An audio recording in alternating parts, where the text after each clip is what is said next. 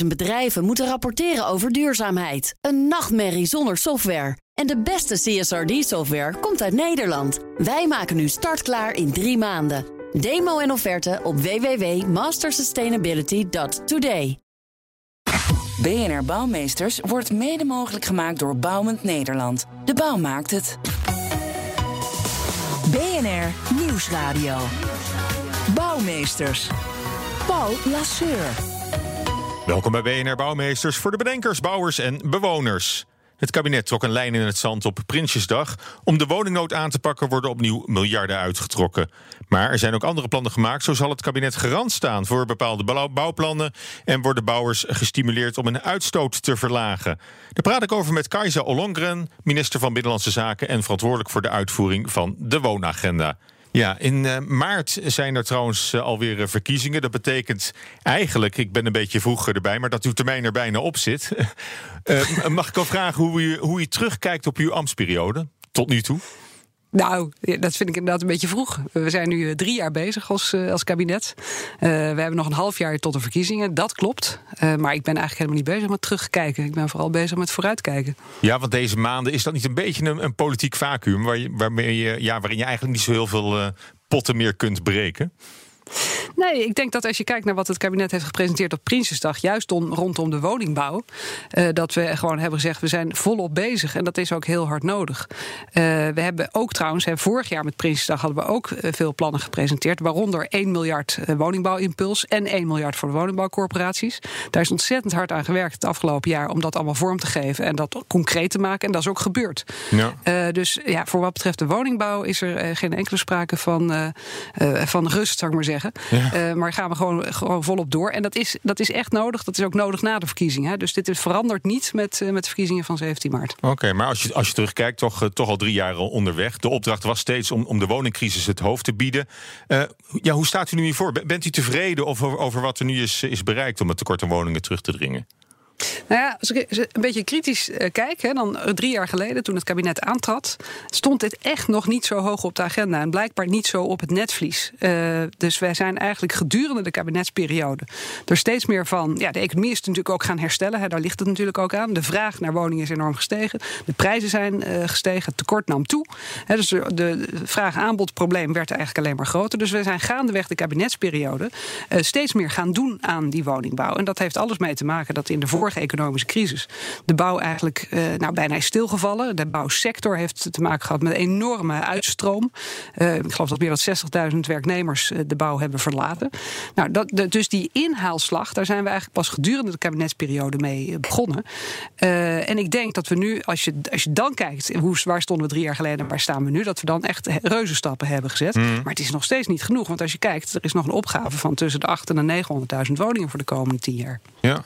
Maar uh, ja, er, is, er is geld uitgetrokken, er zijn plannen gemaakt, er zijn woondeals uh, gesloten. Hè, een miljard euro vorig jaar ook al. Maar dat zijn allemaal deals. Je ziet het nog niet in de uitvoering terug. Nou ja, wat je wel ziet in de uitvoering is... Ik heb, toen ik ermee begon, in dat eerste jaar hadden we becijferd... we moeten 75.000 woningen per jaar halen. Dat is in 1918, en, of sorry, 2018 en 2019... is dat gewoon gehaald, die 75.000. Dat is natuurlijk enorm. Hè? Dus je kunt zeggen, we zien te weinig. Aan de andere kant zijn records gebroken... Uh, de afgelopen twee jaar in het bouwen van woningen. Het uh, tweede wat ik zou willen opmerken... is dat er ook een extra probleem bij is gekomen. Dat is de stikstofproblematiek. Mm -hmm. Die hadden we eerst niet, vervolgens wel. Dat heeft natuurlijk de vergunningverlening belemmerd. Hè. Dus, de, dus ik verwacht over dit jaar uh, dat dat. Nou, dus is het maar de vraag of we dat gaan halen. Dus ook dat probleem moeten we, moeten we oplossen. Uh, om te zorgen dat we wel weer meer en ambitieuzer en sneller kunnen bouwen. Ja. Nou ja, en dan inderdaad die, uh, dat miljard voor die woningbouwcorporaties, een miljard voor de woningbouwimpuls. Dat wordt nu omgezet in concrete plannen. Hè, ik heb een paar weken geleden nog 270 miljoen voor 51.000 extra woningen. Juist in die gebieden waar de druk op de woningmarkt, de woningmarkt eigenlijk het grootste is. Ja, nou, uh, maar met die 75.000 per jaar dan, hè, daar, daarmee stond dan in 2030, zou dat uh, op moeten tellen tot een, miljoen extra woningen. Hè, daar, nu, nu nog steeds 900.000, uh, zeg maar. maar in dit tempo gaan we dat toch niet halen, dat doel? Nou ja, we moeten, we moeten in ieder geval dit tempo vasthouden en het liefst nog een tandje erbij. Dan kunnen we het halen. Maar het is wel waar, woningen bouwen kost tijd. dus uh, je hebt dat echt niet van de een op de andere dag uh, opgelost. Dat weten mensen natuurlijk ook heel erg goed. En de bouwers weten dat ook heel erg goed. Maar die zijn wel volop ermee bezig om te kijken hoe je het sneller voor elkaar kunt krijgen. Hoe je ook wat innovatiever kunt uh, zijn in je hele bouwproces. we werken ook met bijvoorbeeld tijdelijke woningen. Er zijn sommige gemeenten die daar ook heel actief in zijn. in Eindhoven bijvoorbeeld. Omdat je zegt, nou ja, de, de echte woningen duren wat langer. Maar we kunnen wel voor 10 of zelfs 15 jaar op bepaalde plekken tijdelijke woningen neerzetten. Dus we moeten echt alle creativiteit gebruiken die er is. Ja, en nou is het natuurlijk heel aantrekkelijk om een stip op de horizon te zetten. Hè. 1 eh, miljoen woningen erbij in 2030 was dat eh, steeds. Zou de discussie niet veel meer moeten gaan over het type woningen waar vraag naar is, in plaats van de aantallen? Of zou je het doel niet veel specifieker moeten formuleren? Ja, maar ik denk als je gewoon ook inzoekt, hè, bijvoorbeeld op die 14 uh, woningdealregio's uh, die we hebben, uh, dat je dan ziet dat, dat we eigenlijk ook wel heel specifiek weten wat er nodig is. En dat verschilt inderdaad per, per gebied, per regio. we hebben te maken met gebieden waar een enorm grote vraag is, waar het zeker ook over aantallen gaat. Maar die gemeenten hebben vaak ook goed oog voor hoeveel moet er dan aan betaalbare woningen worden gerealiseerd.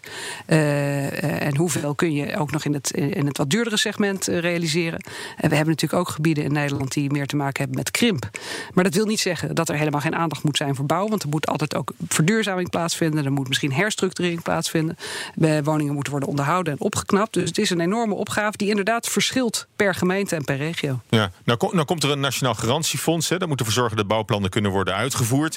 Uh, hoe bepaalt u de selectie van projecten die daarvoor in aanmerking komen? Ja, dat garantieplan dat is wel een interessante. Ik heb daar ook veel over gesproken, ook met de sector zelf.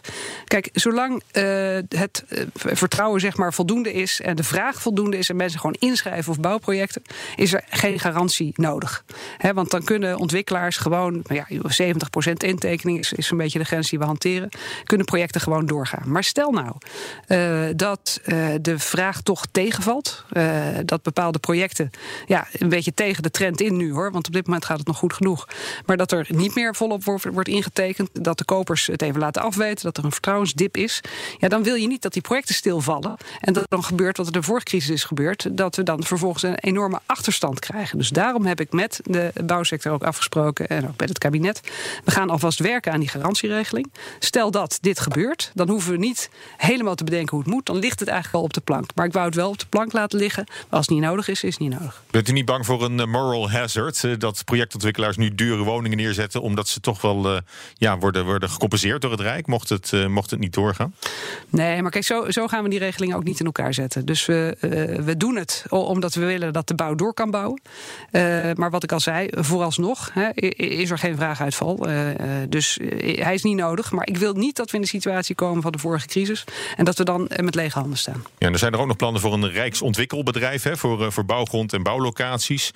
waarom vindt het kabinet het belangrijk om zich daar ook in te mengen? Nou je hebt gezien, in het verleden is eigenlijk alles is gedecentraliseerd. Uh, dus uh, de, gemeenten gaan eigenlijk over, over de woningbouw. Uh, de provincies gaan over de plancapaciteit. en het Rijk ja, gaat over weinig. een beetje de wet en regelgeving zou je kunnen zeggen. maar nou, het eerste wat we hebben gedaan is zorgen dat we ook geld hadden. Dus hebben nog steeds. bijvoorbeeld via die woningbouwimpuls. en het tweede is, we hebben als Rijk, via het Rijksvastgoedbedrijf, hebben we al bepaald, bepaalde gronden in bezit. Hè bijvoorbeeld in Flevoland eh, heeft Rijksvastgoedbedrijf vrij veel grond. Het is natuurlijk logisch dat je ook als Rijk gaat nadenken over wat wil je doen met die grond. Kunnen we misschien op die grond ook woningen realiseren? Of kunnen we die grond op de een of andere manier inzetten uh, om uh, aan tafel te zitten met provincies en met gemeenten om samen te bepalen hoe je die woningbouwplannen beter kunt realiseren en sneller kunt realiseren. Ja, dus dat is de gedachte achter het Rijksontwikkelbedrijf. Nu zijn het gemeenten die bepalen waar, waar gebouwd mag worden over het algemeen. Uh, gaat het Rijksontwikkelbedrijf nu ook de discussie discussie aan over uh, ja, binnenstedelijk tegen buitenstedelijk bouwen. Of misschien uh, concreet bouwlocaties aanwijzen? Nou ja, dat eerste deden we eigenlijk al maar vooral via de ruimtelijke ordening. Uh, en dat tweede, dat is inderdaad, als je, als je zelf eigenaar bent van, van grond, ja, dan heb je daar natuurlijk uh, op een andere manier zit je dan, zeg maar, zal ik maar zeggen, aan tafel. Uh, dan wanneer je alleen maar bij, bijschuift, aanschuift om advies te geven.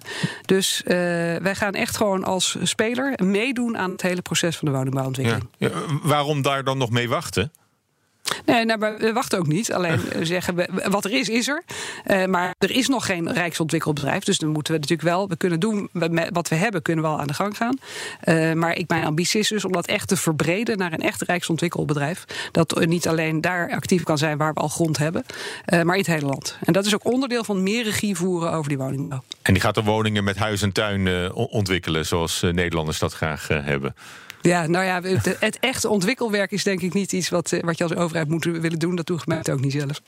Oké. En, en, dan over de, de stijgende huren. Hè. Dat is ook, ook wel een kwestie. U heeft bij herhaling aangegeven uh, de huren niet te willen bevriezen of de huurstijging. Er kwam een hoop kritiek op. Hè. Zelfs een motie van afkeuring in de Eerste Kamer. Wat, naar ik begrijp, heel weinig voorkomt. Uh, staat u nog steeds achter de beslissing dat dat, dat, dat dat aan de markt moet worden overgelaten?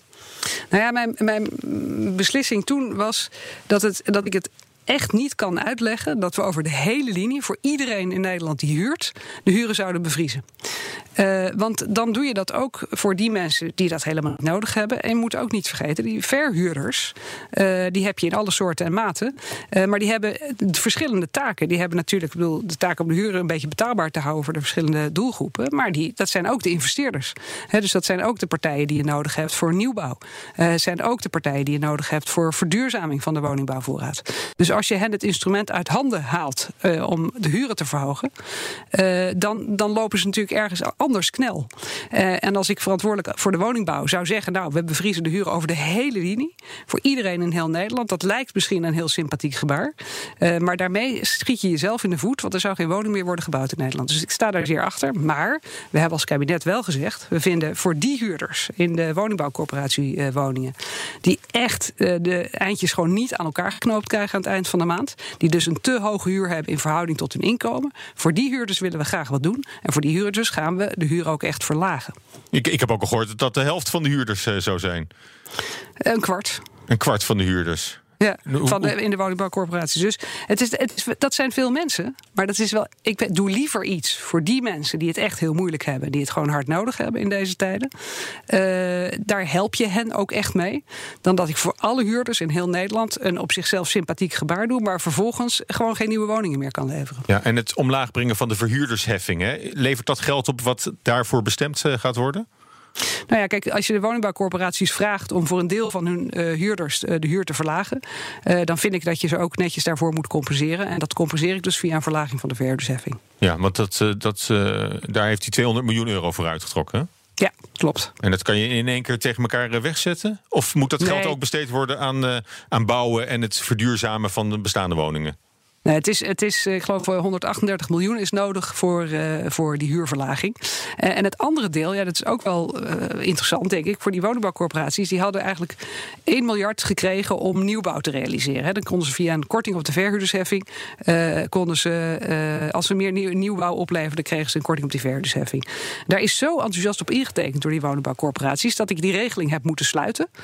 Ja. alleen, ja, tegen de tijd dat ik kon sluiten, hadden ze meer dan dubbel hadden ze ervoor ingetekend. Dus ik heb nu met ze afgesproken, eh, prima, dat kan. Hè, dus hij is overtekend voor meer dan een miljard. Uh, maar dan moeten jullie wel ook zorgen dat het echt wordt gerealiseerd. Dus ook daar denk ik dat we elkaar hebben gevonden. En de woningbouwcorporaties die hebben met mij ook daar bestuurlijke afspraken over gemaakt. En beloofd dat ze 150.000 extra woningen gaan realiseren in de komende vijf jaar. Ja, en dan nog de, de, de koopwoningen. Hè. Daar verdwijnt de overdrachtsbelasting voor starters. Voor beleggers wordt die juist verhoogd. Bent u niet bang dat dit samen een prijsopdrijvend effect zal hebben voor die woningen? Nou ja, we, zullen het zien. Er is, uh, tussen economen is daar wat eh, discussie over. Uh, maar één ding is zeker, als starter hoef je dat bedrag in ieder geval niet op je bankrekening te hebben staan. voor verhuizers, zou ik maar zeggen. Hè. Dus u en ik, als we verhuizen, blijft het gewoon op 2%. En we vragen inderdaad van de beleggers iets meer. maar goed, die kunnen dat gewoon volgens mij in, in het totaal op zich best dragen. En ja, ook dat heeft, dient natuurlijk een doel. omdat we ook wel zien in Nederland dat de gewone starter er ook wat werden verdrongen op, uh, op de woningmarkt. En wij willen natuurlijk gewoon dat mensen in een bepaalde fase van hun leven kunnen instromen in die koopmarkt. BNR Nieuwsradio. Bouwmeesters. Paul Lasseur. Ja, zometeen praat ik verder met minister Ollongren over de toekomst van de woningmarkt en hoe het Rijk het voor de bouw desastreuze stikstofdossier aanpakt. Maar nu eerst. BNR Bouwexpo. Ja, en voor het eerst met redacteur Lotte Elbrink. Dag Lotte. Hallo Paul. Ja, hoi. Ja, voor de Bouwexpo reizen we naar het eh, tweede thuisland van minister Ollongren, eh, Zweden. Want daar claimen ze een wereldprimeur te hebben. Ja, dat uh, klopt. Het gebeurt allemaal in de stad Jönköping. Want daar bouwt de woningcorporatie Wetterhem 44 woningen die volledig zelfvoorzienend zijn. De woningen zijn dus niet aangesloten op het energienet. Ze regelen zelf hun water en ook de verwerking van het afvalwater. Helemaal off the grid, dus zoals ze dat in vaktermen noemen. En dat zou volgens de Scandinaviërs een primeur zijn. Ja, er zijn toch al wel wat van dit soort eh, zelfvoorzienende projecten? Ja, dat klopt, maar uh, nog niet op deze schaal. Er zijn wat projecten, uh, ook in Nederland. In Goeree Overflakkee staat bijvoorbeeld een zelfvoorzienende woning met een eigen waterstoffabriek. En dan heb je ook uh, nog Fort Eiland Pampus, dat willen ze nu volledig zelfvoorzienend maken. En in Drenthe bouwen ze ook een zelfvoorzienend huis, maar dat is voor de zekerheid wel nog aangesloten op het lichtnet, omdat ze daar nog geen goede opslagmogelijkheid voor stroom hebben. Maar in Zweden hebben ze dat wel gevonden. Uh, ja, ze zeggen van wel. Uh, stroom willen ze opwekken met zonnepanelen op het dak. En er komt een glazen gevel met transparante zonnecellen. Uh, en dat zorgt weer voor bruikbare warmte en stroom. En een slim systeem gaat er dan voor zorgen dat de stroom door het gebouw wordt verdeeld. En dat het wordt opgeslagen in batterijen en in waterstof. En vanuit daar kan het weer worden omgezet in elektriciteit. Ja, en qua drinkwater, afvalwater zijn ze ook helemaal onafhankelijk, hè? Ja, nou, het drinkwater komt uit de grond. Uh, voor de wasmachine wordt regenwater gebruikt. Het afvalwater kan het gebouw ook weer helemaal zelf zuiveren. Zodat je bijvoorbeeld ook weer de wc mee kunt doorspoelen of uh, nog een afwas kunt doen. En wanneer is het klaar? Nou, als het uh, goed is, moet het project over twee jaar klaar zijn. En ze gaan dan ook 44 identieke huizen neerzetten die wel op alle voorzieningen van de gemeente worden aangesloten. en zo kunnen ze een beetje de verschillen in kosten gaan vergelijken. Hè? Uh, en aan de bouw zelf hangt trouwens nog wel een aardig prijskaartje. De bouw van alle appartementen kost 23 miljoen euro. En het zelfvoorzienend maken kost nog eens 48 miljoen euro extra. Dus nou ja, zelfvoorzienende woningen bouwen is dus nog wel vrij duur. Maar met dit project hopen ze het wel op grotere schaal beschikbaar te kunnen maken. En zo uiteindelijk ook de kosten te kunnen verlagen. dankjewel Lotte, tot de volgende Bouwexpo. Bouwmeesters. Ja, ik praat verder met uh, Kajsa Ollongren, minister van Binnenlandse Zaken. Zij is mijn gast. Uh, kent u dit project in uh, Jönköping eigenlijk? Of bent u er nee. wel eens geweest? Uh, nee, ja, ik ken Jönköping wel, maar het project ken ik niet. Nee. Oké, okay. zouden we als Nederland niet ook veel actiever voorop moeten lopen met dit soort uh, innovaties? In Zwolle of in Appelscha kunnen we misschien ook wel zo'n project uh, neerzetten. Ja, nee, zeker. Maar kijk, ik, ik denk dat we in Nederland lopen we op allerlei manieren voorop. Hè, in, zeg maar, in innovatie, in, in, in technologie. Het zou mooi zijn om dat in de woningbouw ook nog, nog meer te zien. Maar er gebeurt wel veel hoor. Er zijn echt wel leuke en interessante projecten in Nederland. Ik, ik denk alleen al aan bijvoorbeeld hoe we met oude fabrieksterreinen, hoe we nou, aan het transformeren zijn. Uh, hoe je daar een mooie combi ziet van uh, wonen, werken. Uh, hoe we met mobiliteit omgaan. Dus ik denk dat als je goed kijkt, je in Nederland ook hele mooie voorbeelden kan vinden. Ja, en dat Pampus is natuurlijk ook wel een mooi, mooi project. Ja, denk. precies. Ja, maar goed, ja, voordat ja. we tijd en geld hebben voor dit soort ja, luxe uitspattingen, denk ik, moeten we eerst nog een stikstofprobleem oplossen. Critici die zeggen dat de bouw niks heeft aan stimuleringsplannen als de stikstofproblematiek niet sneller wordt, wordt aangepakt. Wat zegt u daarop? Nou, dat we natuurlijk uh, al sinds vorig jaar, dat het stikstofprobleem uh, werd onderkend, ook door de uitspraak van de rechter, natuurlijk volop bezig zijn om uh, te kijken hoe we daarmee omgaan. En dit, betekent gewoon dat er, het is een echt probleem, hè, dus er is gewoon te veel stikstof in Nederland. Dat moeten we verminderen, we moeten die natuur herstellen. en tegelijkertijd moeten inderdaad economische ontwikkelingen gewoon door kunnen gaan, waaronder de woningbouw. Nou, de eerste stap is natuurlijk gezet. We hebben die snelheidsverlaging gezien op de, op de snelwegen. Uh, zodat we bepaalde woningbouwprojecten weer uh, aan de gang konden krijgen. Uh, we zijn ook volop bezig, collega Schouten, in, in de landbouws. Mm. Bijvoorbeeld bij de sanering van de varkenshouderij. Komt ook weer deels beschikbaar voor woningbouwprojecten. Dus we hebben echt wel stappen gezet. maar er moet inderdaad meer. Ja. want waarom lukt het niet om, om daar definitief een oplossing voor, voor te vinden? Of, of heeft dat gewoon heel veel tijd nodig? Nou, het, he het, heeft ook tijd nodig, want het, het, heeft natuurlijk te maken ook met wetgeving. En daar zijn we als kabinet volop mee bezig. Uh, en het heeft ook te maken met uh, dat je middelen beschikbaar moet hebben. Uh, en we hebben afgelopen Prinsjesdag ook weer gezegd dat juist om die bouwopgang te krijgen, dat we moeten iets zorgen van een, van een, een drempelwaarde of een partiële vrijstelling voor de bouw. Dat we ook daar weer 100 miljoen per jaar voor reserveren om daarvoor te zorgen. Dus het is, het is best wel ingewikkeld allemaal, een complex aan, aan maatregelen, wetgeving en, en geld. maar voorop, voor ons staat echt dat de bouw moet kunnen blijven bouwen. Ja. Nou, de oppositie komt ook met, uh, met wetgeving. Hè. GroenLinks dient vandaag een wetsvoorstel in rondom de stikstofaanpak. Daar stelt de partij onder andere voor om bouwprojecten met een lage tijdelijke stikstofuitstoot wel toe te staan. Wat vindt u van dat voorstel?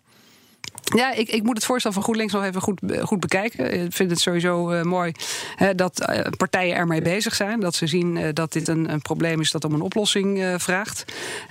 Ik, ik, vind zelf hè, dat we naast de wet en regelgeving en het geld...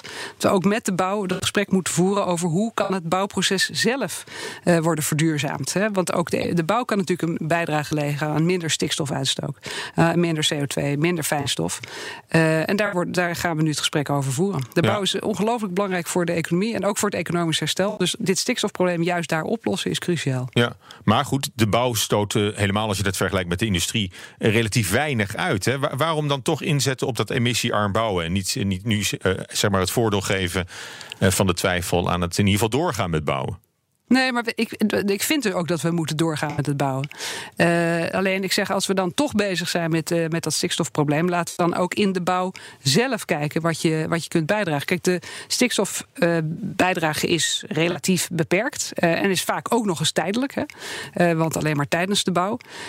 maar ik vind dat iedereen moet eraan bijdragen, dus ook de bouw zelf. Ja, maar dat geld kan je maar één keer uitgeven. Je zou het ook kunnen steken in het verduurzamen van woningen of misschien wel personeelstekorten wegwerken in de bouw.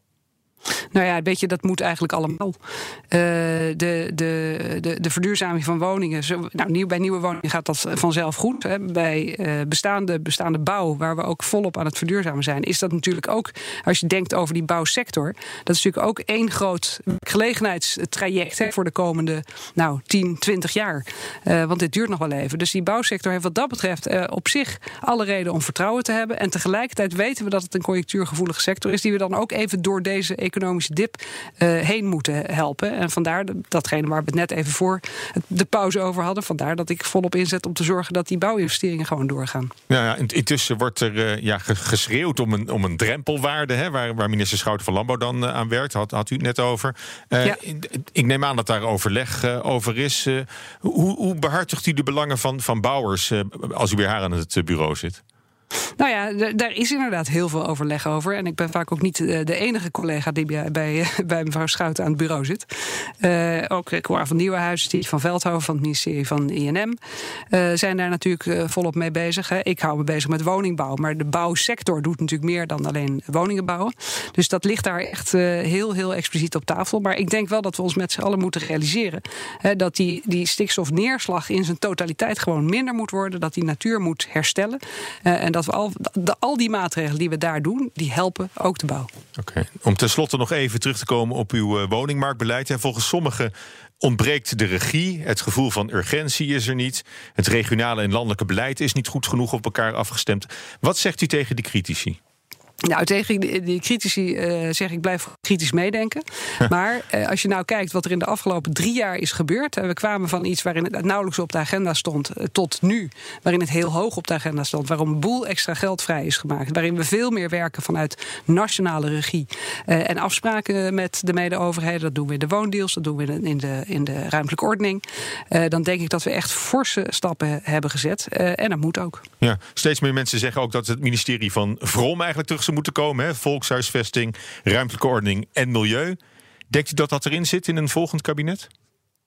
Nou ja, kijk, ik, ik denk altijd. Uh, het bestaat al, uh, alleen het heet niet zo. Uh, het ministerie van Binnenlandse Zaken en Koningsrijksrelaties... dat heeft zowel uh, de volkshuisvestingskant als de ruimtelijke ordening. Alleen milieu ontbreekt dan.